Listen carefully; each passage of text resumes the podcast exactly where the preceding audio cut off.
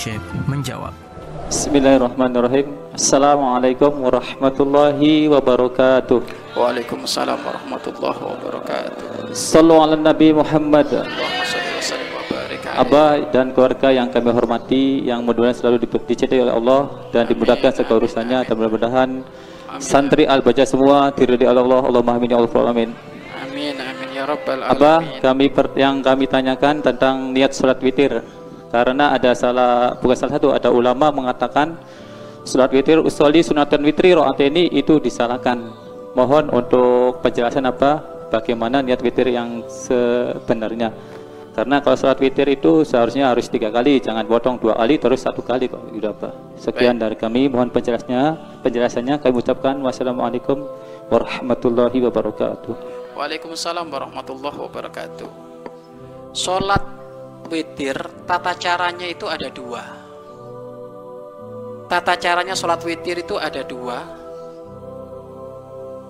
Dan dari dua itu yang paling utama adalah yang dijadikan dua kali salam. Kalau dua kali salam, otomatis berarti ini dulu, baru setelah itu salam, kemudian lanjut rokatan. Ini, ini yang paling utama. Tapi ada yang mengatakan yang tiga rokaat, eh, satu kali salam. Ada yang mengatakan satu kali salam loh. Kalau satu kali salam ya berarti langsung salah asaroka rokaat. Langsung gitu, salah saroka rokaat. Artinya apa? Ini perbedaan para ulama. Namun harus kita tahu mana yang lebih utama. Yang lebih utama itu dijadikan dijadikan dua kali sa salam. Kemudian nggak usah ribut niat, nggak usah ribut lafadznya niat, nggak ngomong lafadz niat aja nggak apa-apa. Kok ribut? Iya kan, niat itu letaknya di mana? Di hati. Nggak ngomong dua rokaat, nggak ngomong sak rokaat sah.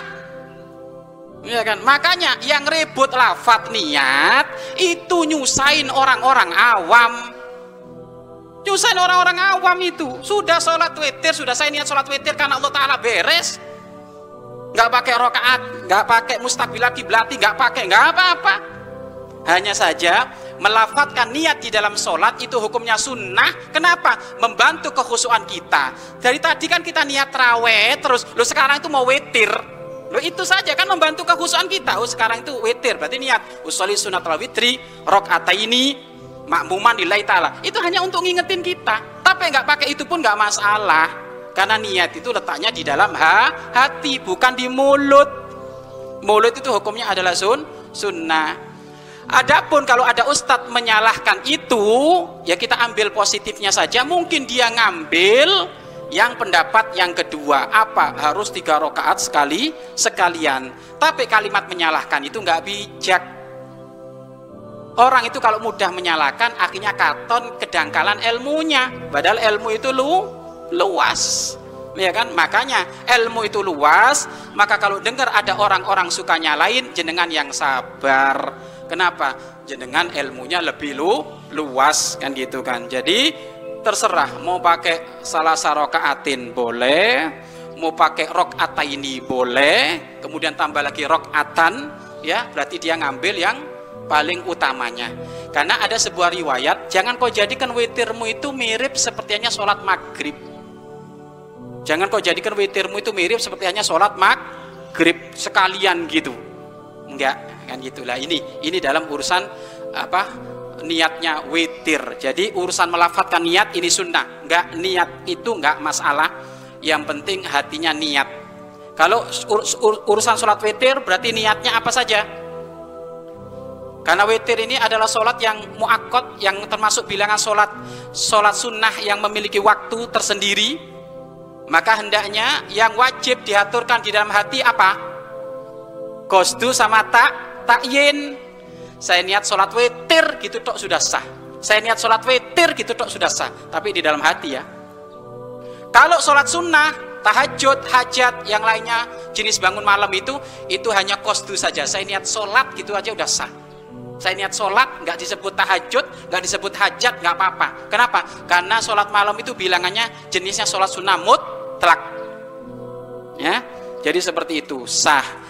Gini loh, pokoknya orang awam kalau sudah sholat witir jangan disalah-salahin, bingung, akhirnya ngambek nggak sholat, kan gitu. ini sudah dengklek 20 rokaat mau nambah witir disalahin. Wis nonton TV wis. Gitu jadinya. Makanya kata Abu Ya Maliki Sayyid Alwi Al Maliki seorang ustadz itu harus bijak. Perilaku orang awam di dalam ibadah jika ada salah namun bisa dibenarkan dengan pendapat yang lain benarkan biar mereka nggak usah ganti kasihan. Tapi kalau santri nggak boleh. Santri iya kan? Ilmumu banyak tapi kalau orang awam nggak apa-apa. Iya kan? Orang awam pokoknya orang awam contoh sholatnya contoh ibu ada orang ada bapak-bapak tukang becak tobat bapak ibu bulan Ramadan bapak ibu tobat biasanya nggak pernah sholat Jumat akhirnya sholat Jum Jumat. Tak taunya bapak ibu di kampung situ bapak ibu Jumatannya nggak sampai 40 orang mustautin. Kan wajibnya sholat Jumat itu 40 orang dihadiri 40 orang asli penduduk tersebut. Tak taunya kurang. Berarti kalau kurang sholatnya nggak sah wajib diu diulang. Ini ada tukang becak yang suruh ngulang santri saja. Tukang becak jangan ambilkan pendapat yang lain. Apa pendapat yang lain? Indah Malik 12 orang sah. Mohon maaf Indah Abu Hanifah 12 orang sah. Indah Malik 4 orang sah. Mustautin. Jadi cari solusi pendapat yang lainnya. Karena apa? Ini orang A awam. Kecuali kalau san santri. Kalau santri yo harus pakai pendapat yang dikokohkan. Wallahu a'lam bisawab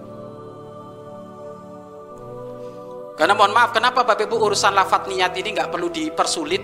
Karena ada orang itu Bapak Ibu sholat taraweh hanya nunggu niat puasanya. Nunggu barengnya Imam Nawaitu Sauma Godin an ada ilu nunggu itu. Padahal Bapak Ibu niat sendiri kan bisa saya niat apa niat puasa kan beres gitu. Dikira lafat itu hukumnya adalah wa, wajib. Padahal enggak melafatkan niat hukumnya adalah sun sunnah. Wallahu a'lam bishawab